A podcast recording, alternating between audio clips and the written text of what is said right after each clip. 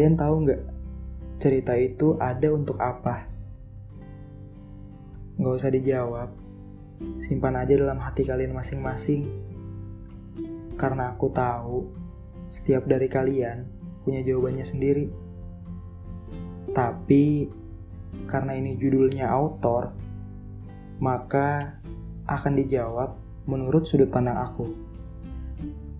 Menurut aku, cerita itu ada untuk diceritain lagi. Kok gitu? Agar kita tahu udah sampai di mana sih posisi kita sekarang? Apakah sudah sampai di hatinya? Atau jangan-jangan malah tersesat di hati yang lain? Hah. Malam ini aku mau banyak cerita. Gak mau sedikit, biar jelas tentang aku yang selalu tersesat menuju hatinya. Kalau kalian belum paham, malam ini aku mau bahas apa? Singkatnya, aku mau cerita perjalanan aku selama menjalin hubungan dengan orang yang spesial. Tapi itu dulu. Ngebahas ini seperti buka luka lama gak sih? Kalau aku boleh jujur, iya. Tapi alhamdulillahnya luka itu udah kering udah ganti kulit juga bahkan. Jadi nggak sakit kalau dibuka lagi.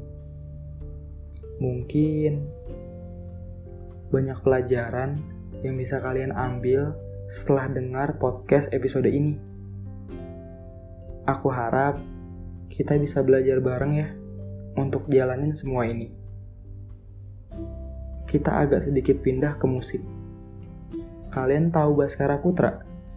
Vokalisnya Fish dan Hindia yang jadi soundtrack filmnya NKTCHI itu yang judul lagunya secukupnya kalau kalian tahu dia punya cara sendiri buat ceritain perjalanan hatinya lewat lagu. Ya mungkin Baskara didukung dengan bakat. Tapi aku aku cuma bisa lewat podcast. Jadi Teruntuk kamu, orang yang dulu spesial di hidup aku. Kalau kamu dengerin ini, aku harap kamu baik. Kamu bahagia. Kamu bisa tersenyum. Meski bukan aku lagi alasan semua itu. Jangan sedih. Ini masih prolog. Belum masuk ke ceritanya loh. Rekaman ini dari aku. Dari orang yang sama semesta sudah digariskan untuk menemukan, tapi bukan untuk memiliki. Mungkin terdengar berat untuk prolognya di telinga kalian. Mungkin ini salahku. Maaf ya, jadi buat malam minggu kalian yang harusnya seru, tapi kini atmosfernya berubah jadi pilu biru. Jadi kelabu, yang tanpa sadar kalau kalian saat ini udah mulai berjalan menuju hatinya. Oh iya, aku minta maaf ya, karena ternyata sudah masuk bulan suci Ramadan, agar tenang puasanya. Nikmatin ya menu sahurnya, dan semangat menjalankan ibadah di bulan ini. Ya udah, sekarang rapatkan earphone kalian, pejamkan mata kalian, dan anggap kalau aku lagi ngobrol di depan kalian lagi mau ngobrol serius, kalian jangan dengerin yang lain ya. Cukup fokus ke aku. Langsung aja, aku mulaikan. Oh iya, lupa. Gak usah.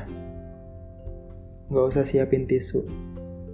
Karena aku yakin kamu mampu. Tanpa berlama-lama lagi, bertemu aku lewat suara bersama aku Fandi di podcast Menuju Hatimu lewat suara. Cerita perjalanan hati aku dimulai di bangku sekolah dasar. Pada waktu itu, kelas 6, aku memberanikan diri untuk menyatakan perasaanku ke orang yang spesial. Waktu itu, nembaknya di lapangan, pakai ice cream cornetto dan hasilnya aku diterima yes dia pacar pertamaku Namanya Anggi Febrianti. Orangnya cantik banget waktu di SD. Sedikit sih cerita sama Anggi, karena kita waktu itu masih SD dan gak banyak tahu soal pacaran itu gimana. Dan akhirnya kita putus gitu aja. Aku lupa berapa lama hubungannya. Tapi yang aku ingat itu adalah patah hati pertama aku. Mau tahu rasanya? Sakit banget. Padahal masih SD. Tapi aku ngerasa sakit banget. Dan momen itu adalah kali pertamanya aku nangis gara-gara perempuan. Lucu banget. Namanya juga cinta monyet, kata ibu. Oh iya, aku baru inget. Aku diputusin karena dia dapet cowok yang lebih ganteng. Namanya Rama. Soalnya aku pas SD itu jelek, pendek, hitam. Tapi bisa dapet Anggi. Aku juga bingung. Tambahlah nangisnya karena tahu dia pacaran lagi. Malu banget ceritanya. Akhirnya kita lulus SD dan lanjut masuk SMP. Akhirnya bisa sekolah. Aku udah nggak tahu lagi kabar dari Anggi. Yang nyisa cuma rasa sayang yang nggak tahu harus diapain. Tahun-tahun berlalu selama SMP, aku nggak punya pacar. Bukan karena aku nggak bisa move on dari Anggi. Soalnya kita pernah balikan kok pas SMP. Dan sama aja hasilnya. Jadi nggak usah diceritain. Selama SMP, aku cuma suka. Tapi nggak berani bilang. Karena aku nggak yakin sama diri aku bakal diterima aku juga nggak bisa bilang siapa orangnya. Karena aku ingin ini tetap jadi rahasia. Kalau orang-orang bilang, waktu SMP aku adalah waktu di mana mencintai dalam diam. Dan untuk Anggi, semoga bahagia ya sama keluarganya, keluarga kecilnya. Di akhir masa SMP, tepatnya kelas 9, aku dikenalin sama perempuan, tapi dari sekolah lain. Waktu itu cuma bisa tahu lewat Facebook, lalu chatting, dan berakhir gitu aja. Iya, nggak jadian, nggak tahu kabar lagi, menghilang aja udah. Singkat cerita, masa SMP akhirnya kelar. Dan aku lulus, kemudian masuk salah satu SMK negeri di Jakarta Pusat yaitu SMKN 34 Jakarta yang mengenalkan aku akan dua hal penting saat itu silat dan kamu.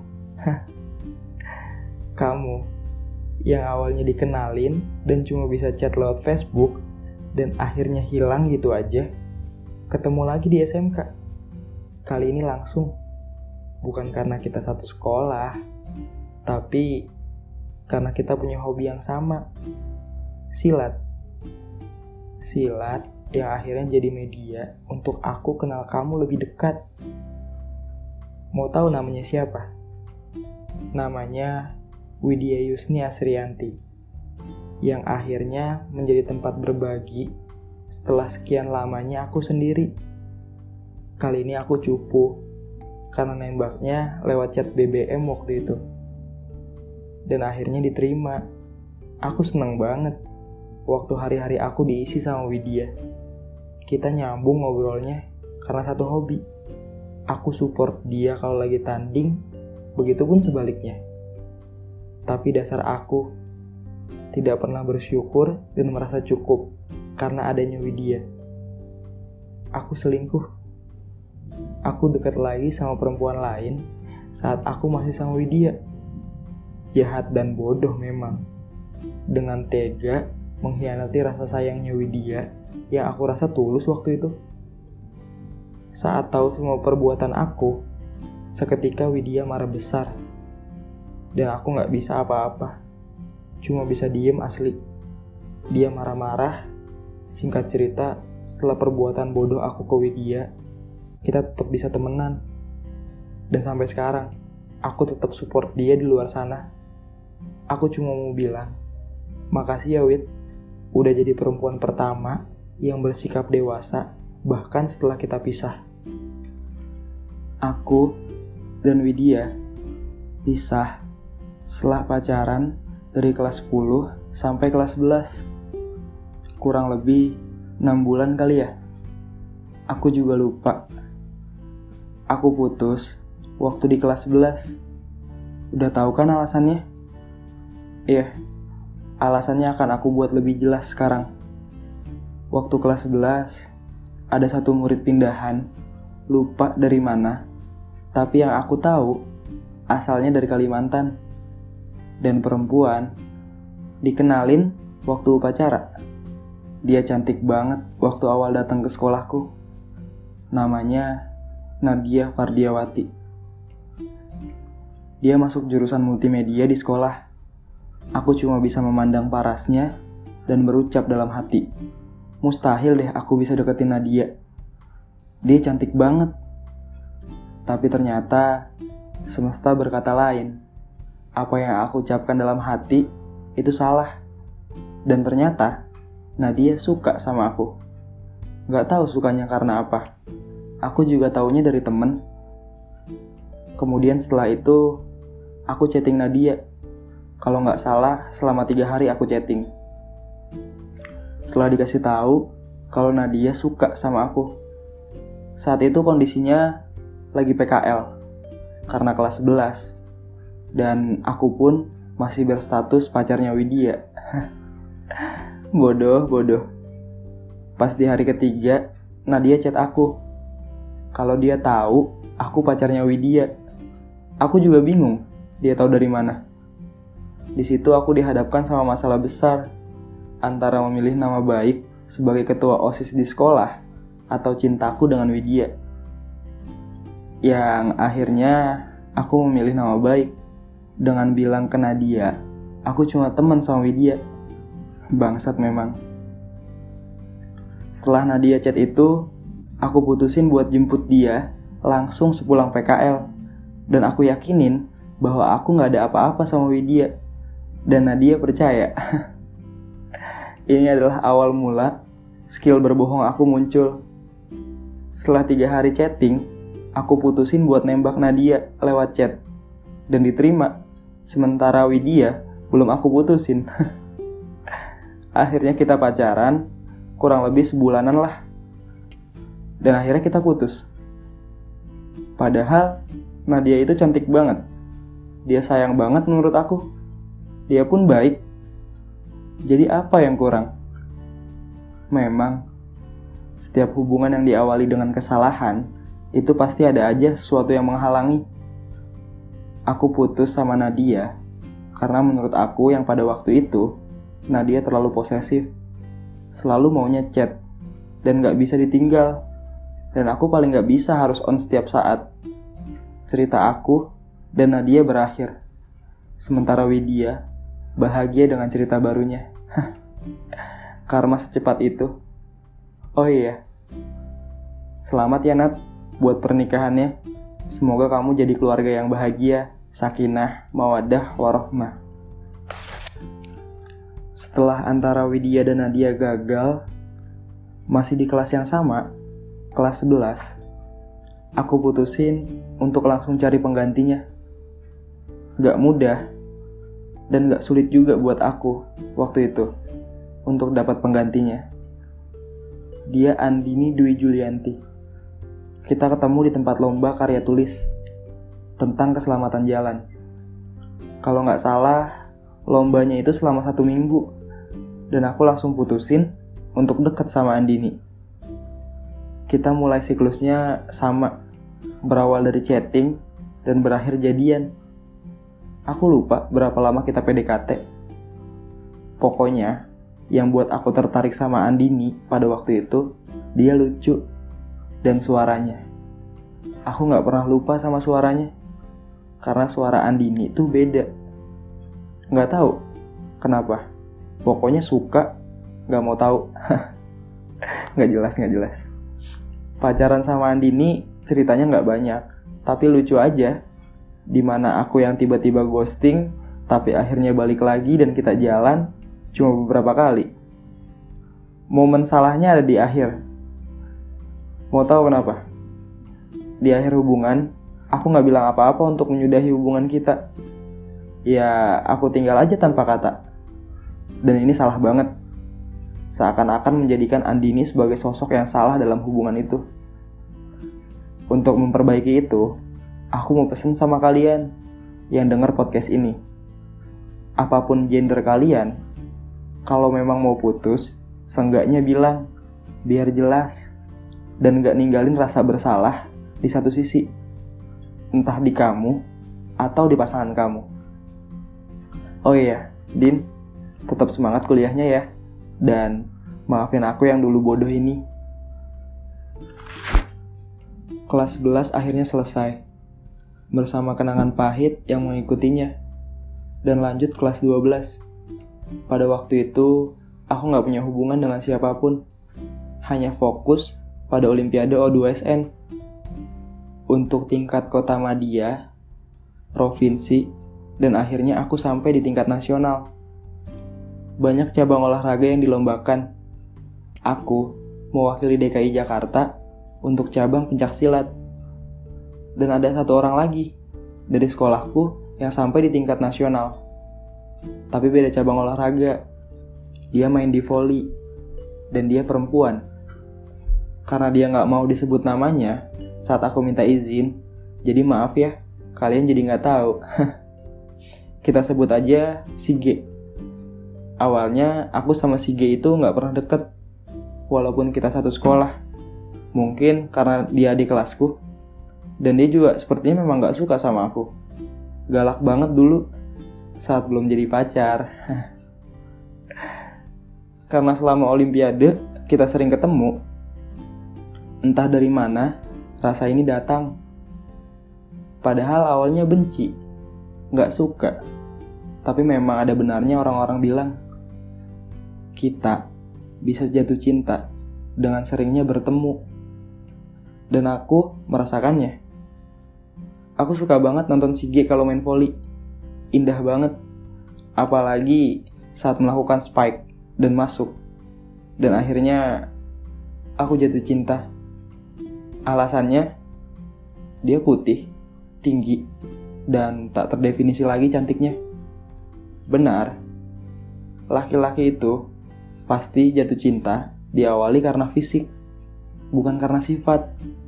Sebagian besar, tapi jangan jadiin ini sebagai tolak ukur kalian menilai kita itu sama. Setelah Olimpiade kelar, aku membawa medali perak dari cabang silat. Dan aku lupa volinya, dia menang atau enggak. Tapi yang aku ingat, rasa suka aku ke dia. Chatting kita bermulai saat setelah Olimpiade selesai. Diawali dengan membahas Olimpiade hingga menanyakan kabarnya. Udah makan? Udah sampai rumah? Jangan tidur malam-malam. Good morning. Hah. Akhirnya setelah PDKT pun kita jadian. Kita pacaran dan aku bisa sombong ke Nadia. Kalau sekarang aku udah punya pacar. Soalnya Nadia pacaran lagi sama adik kelas. waktu itu adalah waktu paling bahagia banget buat aku. Sayang banget sama dia. Tanpa sadar kalau aku ngebucin buat dia. Rumah dia di Bekasi. Sekolah kita di Jakarta Pusat. Dia berangkat pagi.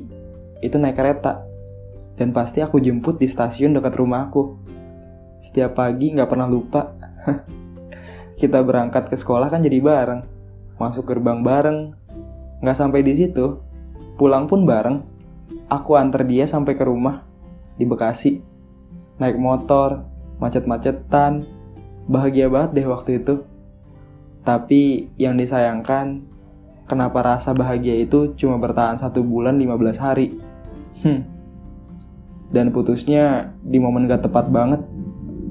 Waktu itu aku mau ulang tahun malamnya, padahal nggak ada masalah apa-apa. Tapi tiba-tiba dia minta putus. Aku coba buat nahan, dan dia tetap maksa. Dan akhirnya kita tetap putus. Rasanya gak bisa dijelasin. Seharusnya itu jadi hari bahagia aku, tiba-tiba jadi hari yang gak aku pengenin sama sekali. Aku cuma bisa diem. Gak tahu harus ngelakuin apa lagi. Langsung aja aku pergi ke rumah temenku. Curhat sampai larut malam. Cerita kita memang cepat berakhirnya. Tapi ada yang lama. Move onnya. Setahun lebih untuk bisa lupain momen yang terjadi selama satu bulan 15 hari. Karena apa? Hanya di si G aku merasa hubungan yang nyaman, hubungan yang aku bahagia banget ngejalaninnya. Dan satu hal lagi, si G memang bukan pacar pertama aku, tapi dia adalah cinta pertama aku. Oh iya, selamat ya, udah dilamar sama laki-laki idamannya. Semoga lancar sampai ke pernikahan setelah putus, kita benar-benar jadi orang yang berbeda. Aku nggak tahu kenapa bisa gitu. Hari-hari di sekolah rasanya sepi. Padahal dia masih ada di sekolah. Hanya saja sudah tidak lagi di hatiku. Hari-hari berlalu. Tapi aku berpikir, kalau seperti ini terus, kapan aku bisa maju?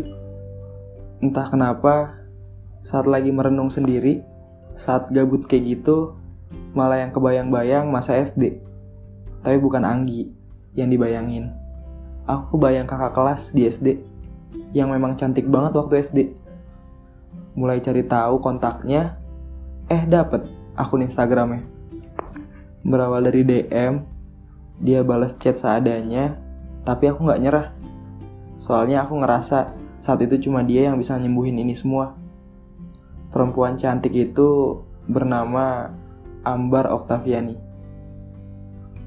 Nama yang indah untuk seseorang yang indah juga. Setelah lama chat di DM Instagram, akhirnya aku mutusin buat move chat ke Line karena boros kuota juga kalau misalkan harus di Instagram. Dari chat itu, satu yang aku tahu, kalau Ambar waktu itu lagi kerja, dia ikut event gitu Cuma jauh banget dari rumahnya. Aku mencoba menjadi hero buat Ambar. Aku mau mastiin dia pulang dengan selamat dengan cara aku jemput dia. Nah, kenangannya ada di sini nih. Waktu pertama aku jemput, naik motor dari rumahku yang ada di Jakarta Timur ke tempat kerjanya Ambar di Jakarta Utara. Gak bawa apa-apa, cuma bawa jaket dan HP. Itu juga buat maps. Dan ternyata saat aku jalan, ternyata hujan gede. Mau neduh, takut Ambar nunggu. Karena ini kali pertamanya aku ketemu, ya udah, aku terobos aja hujannya. Dan akhirnya basah kuyup. Sampai di tempat Ambar. Dan kita langsung pulang. Kalau ngebayangin itu rasanya geli sendiri sih. Bahwa pernah memperjuangkan orang lain untuk sesuatu yang gak pasti. Akhirnya aku selalu jemput Ambar kalau dia pulang kerja. Meski kadang dia nolak, tapi tetap aku jemput. Setelah aku rasa PDKT kita cukup, aku beraniin buat nembak dia. Lagi-lagi lewat chat. Dan gak diterima dong. Nyesek sih, karena ngerasa udah berjuang waktu PDKT. Gak cuma modal chat doang sambil rebahan. Ambar bilang, kita temenan aja ya, jangan marah. Tapi aku nggak nyerah. Aku ikutin maunya Ambar, dan aku tetap menjadi sosok hero-nya Ambar. Dan kabar baik datang. Ambar bilang, dipikir-pikir, kita lebih baik pacaran. Boom. Itu senangnya bukan main sampai lompat-lompat malah. kita pacaran, tapi jarang jalan. Dia sibuk kerja, aku sibuk tidur waktu itu. karena kurangnya ada waktu timbul rasa bosan ya akhirnya aku kalah sama rasa bosan itu dan memutuskan untuk pergi tanpa pamit karena aku melihat sosok perempuan yang cantik dan sepertinya itu tipe aku banget deh kenalnya gini aku punya sahabat perempuan aku lagi jalan main berdua tiba-tiba ketemulah temennya sahabatku Dan akhirnya kita mutusin buat main dan makan bareng di luar. Saat itu, mataku tertuju pada satu perempuan. Dan aku langsung berpikir, apa ini? Namanya jatuh cinta pada pandangan pertama. Kadang hati selucu itu. Namanya Rizka Julkarnain. Perempuan cantik yang ketika aku menatapnya saat dia sedang makan, waktu itu hatiku deg-degan. Aku cuma memandang tanpa berani untuk berkenalan. Dan gak berani juga meminta kontaknya dari sahabatku. Karena malu. Aku putusin buat nyari sendiri. Aku cari lagi lewat bantuan Instagram. Dan ternyata aku dapat akunnya. Seneng banget waktu itu. Akhirnya aku beraniin diri untuk memulai DM kita chat di DM pendek banget. Karena langsung move chat. Saat dia tahu aku yang makan dan main bareng waktu malam itu. Aku masih ingat banget. PDKT-nya kita itu seminggu tepat di hari ketujuh dia ulang tahun dan berbarengan dengan ulang tahunnya ibu aku putusin untuk buat kejutan kecil ke Rizka dan ibuku aku beli Jeko, dua lusin, satunya buat ibu, satunya buat Rizka. Kejutannya dibantu teman-temannya sih. Tempatnya di Taman Amir Hamzah, Matraman. Untungnya itu taman lagi sepi, jadinya nggak terlalu malu. Saat aku kasih kejutan ke Rizka, Rizka nangis. Mungkin karena nggak nyangka aku bakal gini. Dan saat aku ucapin selamat ke Rizka, di situ nggak sama sekali kepikiran buat nembak Rizka. Tapi dorongan semua temen-temennya yang bilang, tembak, tembak, tembak. Akhirnya aku tembak deh. Dan diterima. Aneh memang, tapi ada rasa seneng yang nggak bisa dijelasin sih di hati aku. Bodohnya, aku tidak pernah belajar dari kesalahan bahwa yang didapat dengan mudah, maka kamu jangan pernah kecewa jika lepasnya pun mudah. PDKT seminggu. Dan pacarannya mau tahu berapa lama? seminggu juga. Padahal aku rasa bakal lama. Karena udah dikenalin ke orang tuanya, udah ke rumahnya, tapi ternyata aku yang terlalu berharap. Aku yang terlalu berharap pada orang yang diam-diam masih mengharapkan orang lain.